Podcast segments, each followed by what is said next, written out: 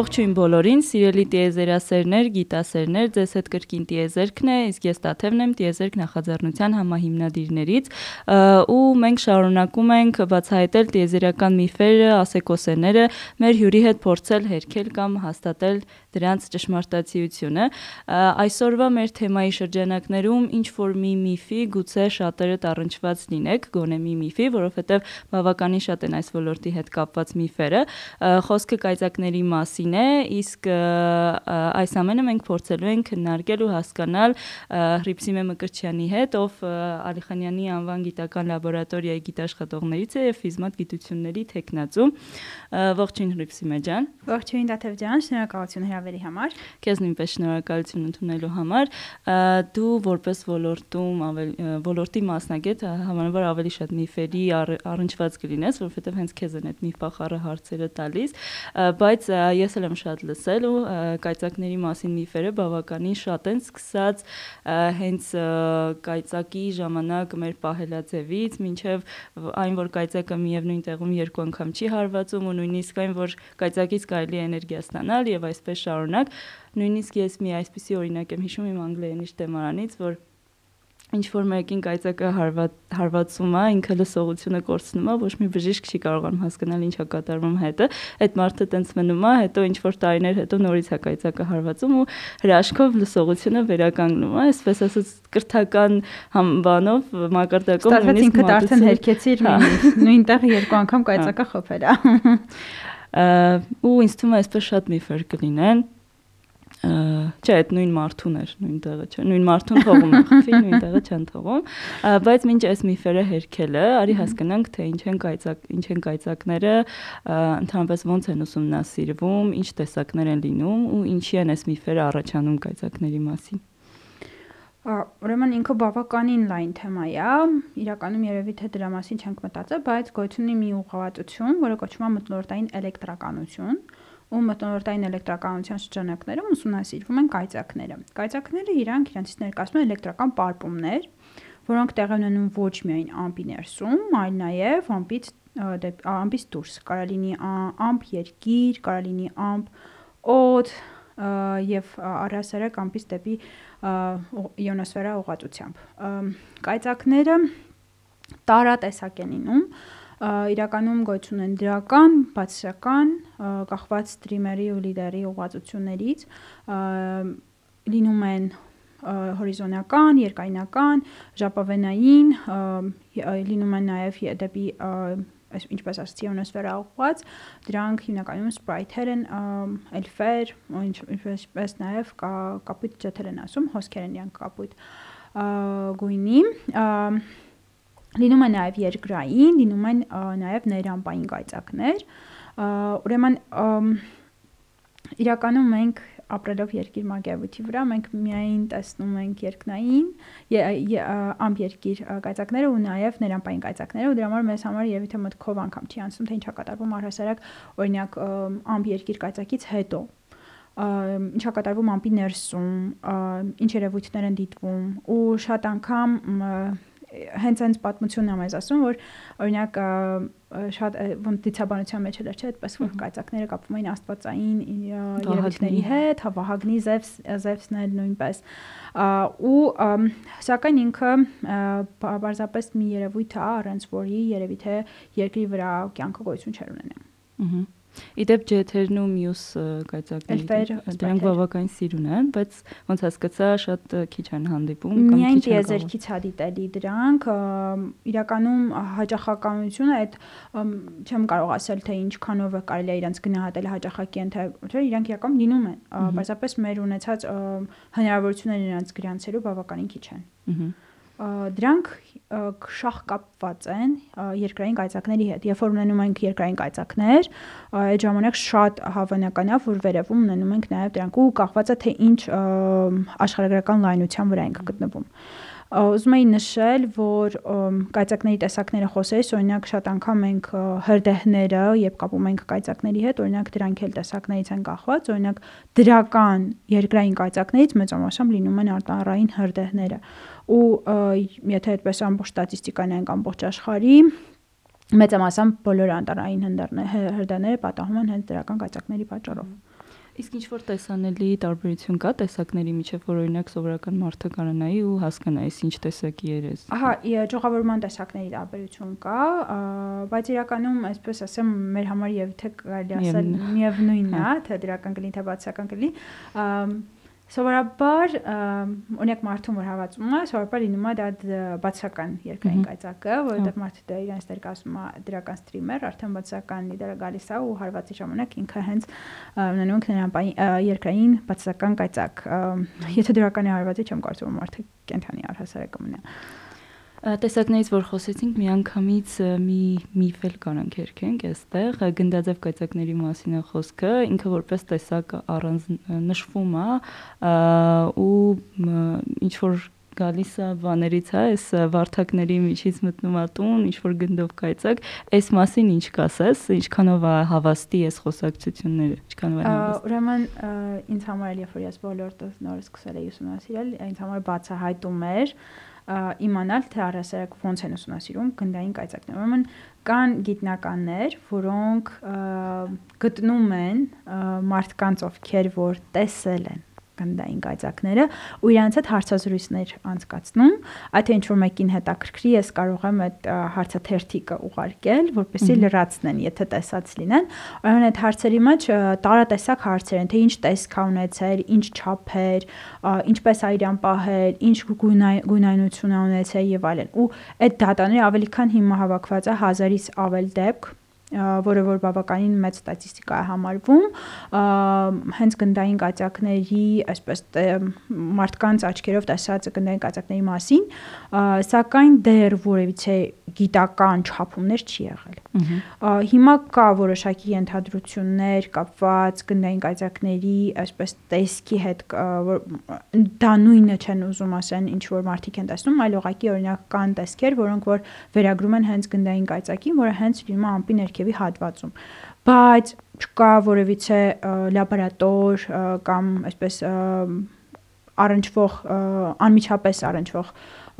գիտափորձ, որի արդյունքում մենք կարողացածնենք գրանցել գնդային կայծակները։ Դրա համար իրանք այս բանը համնում են միֆ, որպես չնայած ասում եմ կան գիտական ու շատ լուրջ գիտական խմբեր, որոնք որ զբաղվելով մոտորդային էլեկտրականությամբ նաև զբաղվում են գնդային կայծակների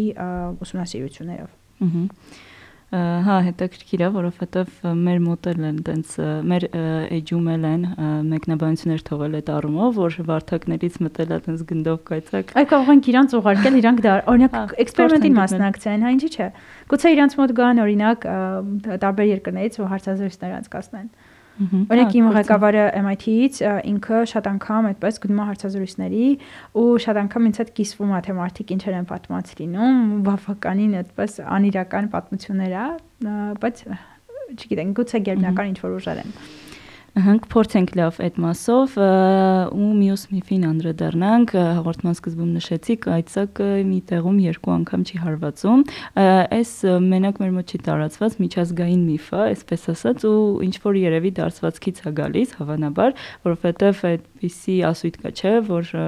հենց դարձվածքը որը որ եթե փորձենք թարգմանել խոսակցական լեզվից ստացվում է որ մի դժբախտությունը երկու անգամ չի կարող կրկնվել ճիշտ է այս էլ գիտական հիմք չունի բայց նաև այս ասած բանը խոսույթը խոսույթը չէ կներեք դարձվածքը նաև ուղիղ իմաստով են հասկանում ու շատ հաճախ լսում ես այդ կայծակի մասին այդ միֆը որ երկու անգամ մի տեղում չի հարվածում ուզում էի իմանալ մի տեղում հարվածում է երկու անգամ թե չէ ու ինչքան հաճախ կարա հարվածի միևնույն տեղում կա այդպիսի վիճակագրություն հենց այդ տեսակ միֆի մասին խոսեն օրինակ կարող ենք մենք մի անգամից ասել շանթարկելների մասին շանթարկելները իրանք փաստացի այն այսպես գործիքներն են ստեղծված, որոնք որ հենց կիզակետելու համար են բարբումները ու այնտեղ ոչ թե մի անգամ, այլ շատ անգամներ է հարվածում։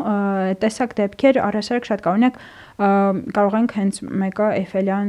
աշտարակը դիտարկել, որ ինքը բավականին շատ շանթարկելեր ունի իր վրա ու հենց կայծակները այդպես ուղղորդվում են դեպի այդ կողմ։ Այսինքն այդ միֆը, թե կայծակը մի տեղ երկու անգամ չի խփում, խփում է ու տենց տենց բան չկա։ Իրականում ինքը ֆիզիկական երևույթ է։ Իր իր մեջ չկա այնպիսի մի բան, որը որ ֆիզիկայից դուրս բացատրվի։ Ֆիզիկական երևույթ է, պատկերացրեք, որտեղ կուտակ այսպես լիսկերի տարանջատում է տեղ ունենում ու համաձայն գիտիկական էլեկտրական դաշտի ստեղծման դեպքում արդեն առաջանում է պարպումը, այսինքն չկա այդտեղ ինչ-որ մի բան, որ կարողանես դու հերքես գիտական հենքով, որ չի կարող հարվածել երկու անգամ։ Հարվածում մի քանի անգամ Իսկ շանթարգելները, որ նշեցիր, դրանք նախատեսված են, այսինքն կայծակի հարվածները իրենց վրա։ Կիզակետել, այո։ Այսպես է, եթե տարածության մեջ այ այդ միֆերներ անդրադառնանք, օրինակ ինչա կատարվում, երբ որ դու տարածության մեջ ես գտնում բաց տարածքի մեջ ու ունենում ես ամպրոպներ։ Օրինակ մի հատ ստատիստիկայի մասին այդպես ասեմ, Ամերիկայում կատարվել է որոշակի հետազոտություն ու բարձրադարձել որ կայծակների ավելի շատ հարվածում է տղամարդկանց քան կանանց Իրականում երբ որ ես այս հարցը սեմինարի ժամանակ տալիս եմ, չեմ նշում որ ամերիկան է, բայց ասեմ ինչի է այդտեղ կատարվել ու ինչի է համարը հենց այդպես։ Օրինակ շատեր ասում են դե տականոց բախտը բերում է, էլի որ կայծակ իրար չի հարվածում, շատեր ասում են տղամարդիկ խմում են, դրա համար է իրանց հարվածում։ Մի խոսքով անհեթեթ ինչ որ պատասխաններ, բայց իրականում պատճառը այն է, որ տղամարդիկ ավելի համառ են ու երբ որ ամպրոպները հա։ սկսվում, իրանք ներս չեն գնում, իսկ կանայք գնում են պատասպարվելու ու դրա համար կայծակները ավելի շատ տղամարդկանց հարվածում։ Ու ինչն է խնդիրը, որ մենք գտնում ենք բաց տարածության մեջ, ամպրոպը սկսվում է, մենք պիտի դիտարկենք, եթե կա մոտակայքում ապաստարան, մենք պետքա փորձենք հասնել ապաստանի, որովհետև այն ամպրոպները, որ մենք տեսնում ենք Հայաստանում, դրանք այդքան ուժեղ չեն, ինչ որ օրինակ կարան հանդիպեն ԱՄՆ-ում կամ այլ մարտամակներում։ Հայաստանում ամպրոպները շատ ավելի թույլ են ու այդքան մեծ վտանգներ չի սպառնում, բայց եթե կա ամպրոպ, եթե կա ապաստարան, ապա պետքա գնալ այնտեղ։ Եթե չկա, ամեն դեպքում պետքա խուսափել հնարավորինս ծառերից։ որտեվ հողը հաղորդիչ է ու երբ որ դու լինում ես մոտ հողին, դու փաստացի դառնում ես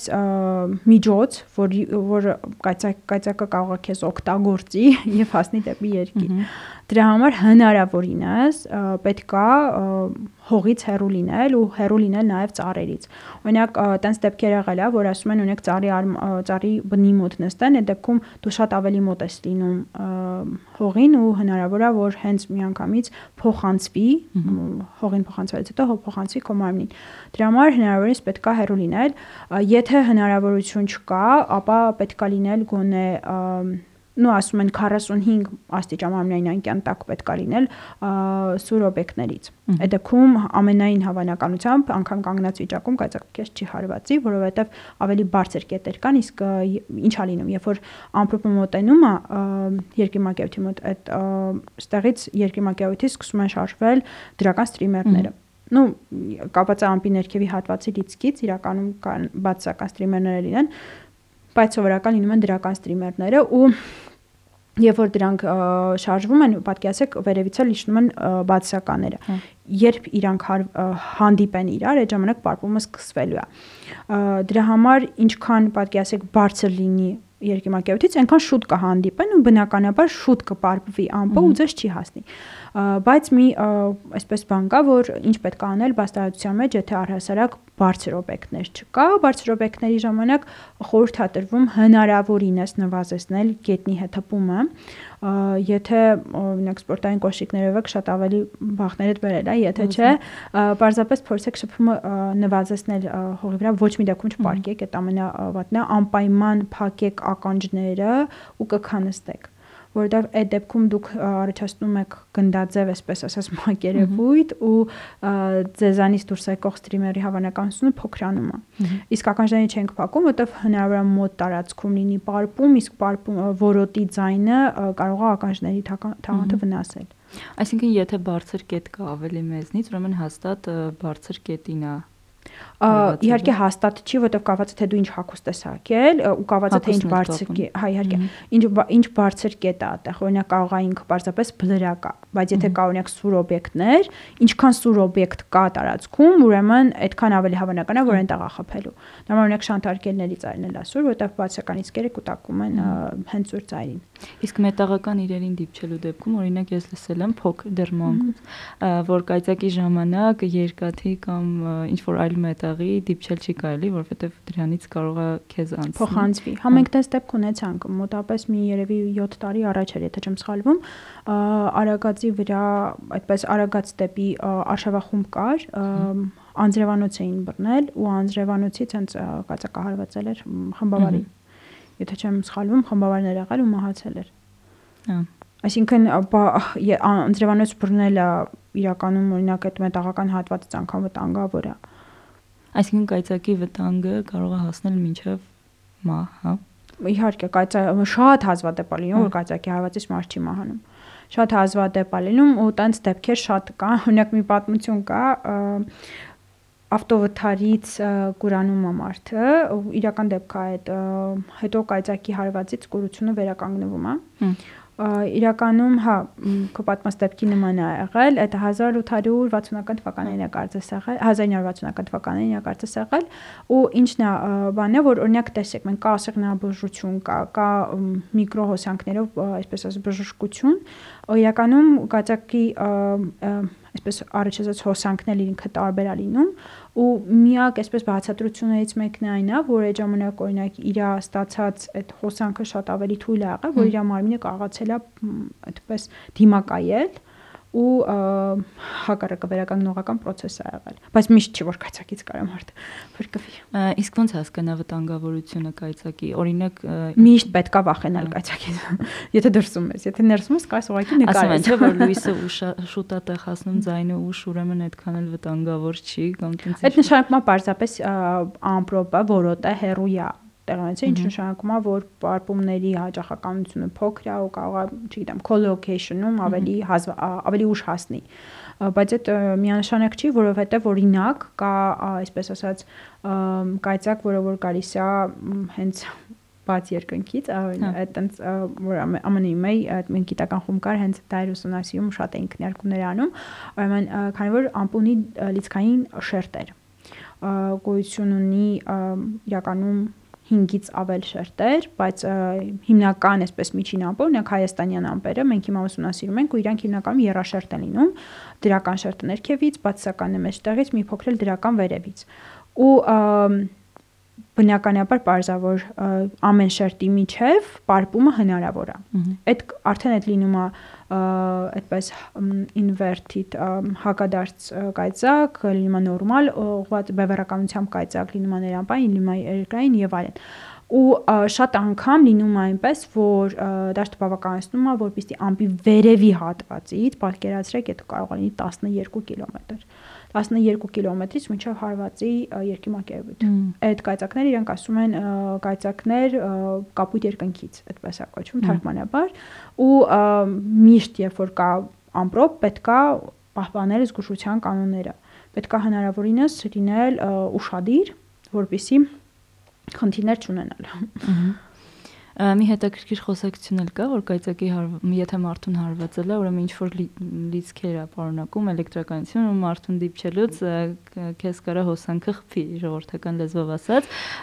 ու այս տեսարանին ֆիլմերում մուլտֆիլմերում մենք հաճախ ականատես լինում որպես հումորային տեսարան սրա իրականություն է սա ինչքանով է մոտ իրականությանը այդ նույնն է ինչ որ օրինակ եթե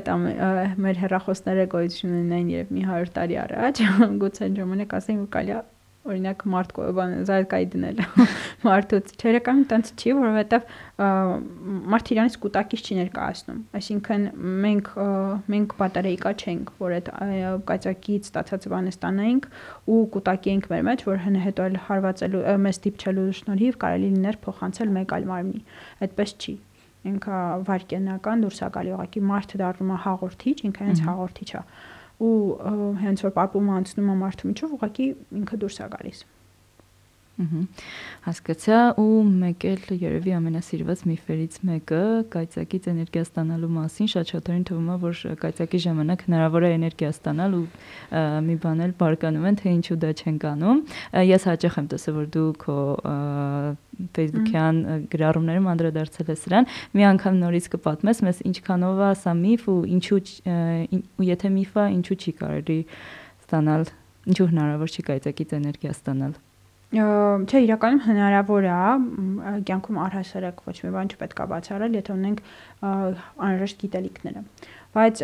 այս պահին կան դժվարություններ կուտակելու համար էներգիան։ Օրինակ, եկեք մի հատ հասկանանք, ոնց է առհասարակ կուտակումը ունի։ Օրինակ, մենք ունենք բոլորս չարջերներ, իսկավեշներ, որոնք որ մենք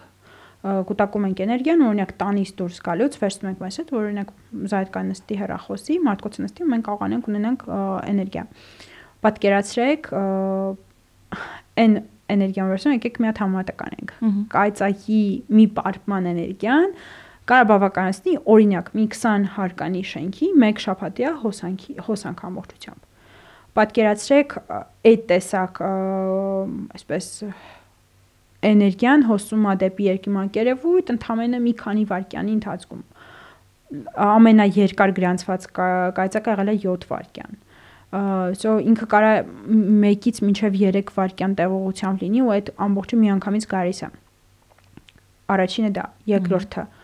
ինչ տեսակ կուտակիչներ պետք է ունենաս, որ միանգամից կարողանաս դրանք կուտակել։ Եվ երրորդ օրինակ մենք նոր խոսում ենք, որ կայծակը մի տեղը չի հարվածում։ Հիմա ինչքան է հավանականությունը, որ դու այդքան ծանր, ծանր մեծ մարտկոցներ կուտակես ինչ որ մի տեղ ու հետո այդտեղ օրինակ տարվա մեջ մի քանի անգամ կայծակները տա։ Ամենաշատ կայծակներ լինում է Կոնգոյի հանրապետությունում, այնտեղ 168 բռնկում է տեղ ունենում մի քառակուսի կիլոմետրի վրա։ So, ինչ որ առումով հայ եթե մտածենք, այնտեղ հնարավոր կլինի ինչ որ մի բան անել, բայց պատկերացրեք այդ կուտակիչները ոնց է տեղաշարժելու տարբեր տեղեր, որպեսզի ամեն անգամ կայծակը հարվածի հենց այդ station-ին, որպեսզի դու կարողանաս կուտակել։ Այսինքն հենց նույն բանի վրա պետք ճիշտ ճշգրիտ պետք է գուշակես իր հարվածը։ Հա, իհարկե, որովհետև դու այդ մարդկոցները, որոնք որ կուտակեն, ես ուղղակի օրինակ վերեցի, որ հերախոսի համար ինչքան փոքր է լինում, պատկերացրեք այդ ամբողջ մի ամբողջ 20 հարկանի շենքը այդպես օգտագործող էներգիա ինչքան մեծ մարդկոց մարդկոց կլինի։ Դու ո՞նց ես այդ մարդկոցը կարողանելու այդպես տեղաշարժես։ Մենք չունենք այդ հնարավորությունները այս պահին։ Այլ ուրիշ բան է, որ օրինակ այդ տեսակ բաներ ուղղվածությամբ անընդհատ ինչ որ աշխատանքներ տարվեն, չեմ զարմանում, եթե տարվում են իհարկե, ու տեղադրվեն այնտեղում, որտեղ ավելի հավանական է։ Օրինակ Բրազիլիայում, Կոնգոյում։ Իսկ շանթարգելների միջոցով հնարավոր չի, օրինակ իմանան, որ հենց այդտեղ կարող ավելի Հա, բայց ինքը արդյունավետ չի լինելու, որովհետև այդտեղ կարող է տարվա մեջ 1, 2, 3 4 անգամ հարվածի կամ 5 անգամ հարվածի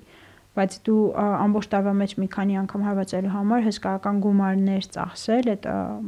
արդյունավետ չի պարզապես։ Այսինքն հնարավոր է միգուցե ինչ որ տարիներ հետո դա իրականություն դառնա, բայց այս պահին մեր ունեցած միջոցներն ու հնարավորությունները պարզապես արդյունավետ չեն օգտվել։ Այսինքն կարելի ասել, որ ստացած էներգիան չի փոխհատուցելու էներգիան, որը որ ծախսել են։ Այդ դեպքում արդյունավետությունը կորում արդեն։ Լավ, իմ միֆերը այսքանն էին, եթե դու էլի առնչվել ես ինչ-որ միֆերի, կարաս վերես օրինակները։ Իրականում վերջերս մոտ ինչ որ գրառում էի կատարել Facebook-ում ու բարձրացավ ընկերներս մեկը պատմեց, ես չգիտեի որ հնում, երբ որ կայծակ հարվածում էր մարդուն, իրան թաղում էին հողի մեջ ինչ որ ժամանակ։ Այ ես էլ եմ լսել։ Ահա, ինձ համար այդ բաներ, բայց հետո ինչ որ այդպես բաներ, որ հողի հետ շփվելուց ինչ որ մարմինը բանալին, բայց օրինակ ես գիտական ինչ որ բացատրություն դեռ դրա համար չունեմ։ Տեսակ բաներ, հա, մեկ-մեկ լիսվում է։ Միֆերից, որ կայծակների հետ լինի, այդ ես կարեի ասեի, որ թե ավելի շատ դրանք միֆեր են, այլ պարզապես գիտելիքների թերացումներ, որ մարդիկ շատ անգամ չգիտեն ու փորձում են դրանք ինչ որ բաների հետ կապեն դրանցից շատ կա օրինակ տեսեք մի բանի մասի չխոսեցինք որ երկիրը օրինակ ինքը լիցքավորված է բասական ու օրինակ կարող ինչ որ մեկի մոտ հարց առաջանա լավ այդ ինչ ինչ է էլի տալիս դրան ու փաստացի ստացվում այնպես որ կայծակները ու առասարակ ամպրոպները իրանք մեր կյանքի գոյության համար կարևոր այսպես խնդիր են լուծում որովհետև իրանք ստեղծում են շղթա այդ կոչվում է համաշխարհային էլեկտրական շղթա ասվածը, որը որ այսպես կապաստեղծում երկրի երկրի ու էլեկտրոսֆերայի հետ այսինքն լիցքային տեղափոխությունը տեղ ունենում ու էլեկտրոսֆերան որ հատվածն է ինքը հենց մեր բանում է մտնոլորտն է իրանից ներկայացնում ու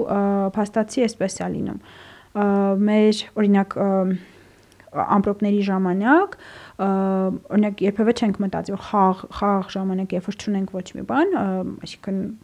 բաց երկինքը, կապույտ երկինքը, այդ եղանակը անմիջապես կապված է ամպրոպների հետ։ Իրա ամպրոպներն ու եղանակը այդ խաղ եղանակ իրանց իրարից ներկայացնում են շղթա։ Եթե պատկերացնենք սովորական դպրոցական շղթաները, որ մենք հավաքել ենք օրինակ լամպ վառելու կամ ինչ-որ բան անելու, այդ շղթան պատկերացեք, այնտեղ սնուցող ուղակը, աղբյուրը հանդիսանում է ամպրոպները,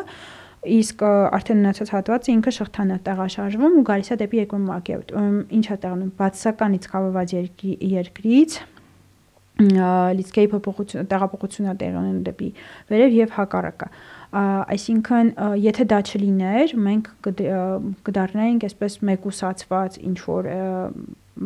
մոլորակը կլիներ մեկուսացված ու ինչ որ ժամանակի հետո պարզապես մեր մոտ կյանքը կվերանար Դրա համար շատ կարևոր են կայծակները ու առհասարակ կայծակների թվի փոփոխությունն էլ ավկայությունների արդյունք, օրինակ վերջերս հենց լույս տեսավ աշխատություններից մեկը, ուսումնասիրություններից մեկը, որով այս սալաներ արել ու այնտեղ ասվում էր, որ դիտարկել են դեռևս առաջին անգամ, որ բևեռներում մեծ թիվ է գրանցվել կայծակների Այսինքն ինչքան շատ մենք ունենք մենք կայծակներ, դա վկայում է այնքան գնիմա փոփոխության մասին։ Բևեռներում չի դիտվում կայծակներ ու ինչի չի դիտվում, որովհետև այնտեղ կայծակների գոյության համար պետքա լինի հնարավորինս այսպես բան միջավայր, որը կարողանա կարողանա այդ նպաստել այդ բանի առաջացման, այսինքն պետք է լինեն ջրային կաթիլներ, որոնք որ ունեն դրականից կավորված կետեր եւ այլն։ Այսինքն ենթադրում եմ որ հալում է, հա, գնում այդ մոտ։ Հա, դիրքն է փոփոխվում երկրի առանցքի ու դրա պատճառով արդեն բևեռներում ավելի ջերմաստիճանը բարձրանում է ու դրա պատճառով էլ կայծակների թիվն է ավելանում։ Ու կայծակների թիվը նաև կարող շատ շատ բանից ավելանում, օրինակ վերջի տարիներին մենք շատ հրդեհներ ունեցանք անտարային հրդեհներ, որոնք արհեստականորեն դեպի մտնոլորտ այսպես ցայտեցին, ավելացրեցին մոխի մոխրի հատիկներ, որոնք հենց իրանք լիցքակիներ են համարվում ու դրա պատճառով ամպրոպների քանակն էլ ավելացավ։ Եթե հիշեք, ավստրալիայի աներդեհներից հետո բավականին շատ ամպրոպների ունեցել արդեն Ասիայի հատվածում, հենց դրա մասին վկայում էր, որ օրինակ այսպես կոവിഡ്ի այդ լոկդաունի պատճառով էլ կայծակների թվի փոփոխություն է տեղ ունեցել։ լավ, շնորհակալություն։ Մեկ էլ ամփոփելով մի հարցել տամ,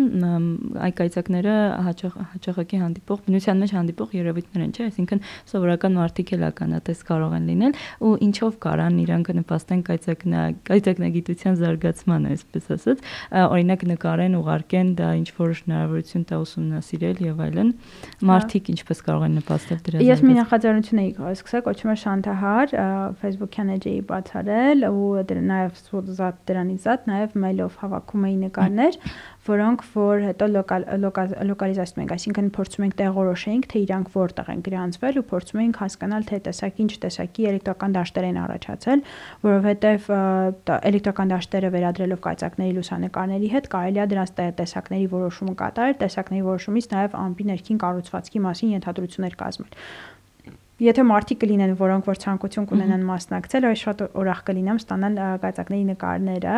որովհետև դրանք բավականին մեծ դատաբազակարան առաջացնեն ու մենք կարող ենք բավականին մեծ ենթադրություն օրինակ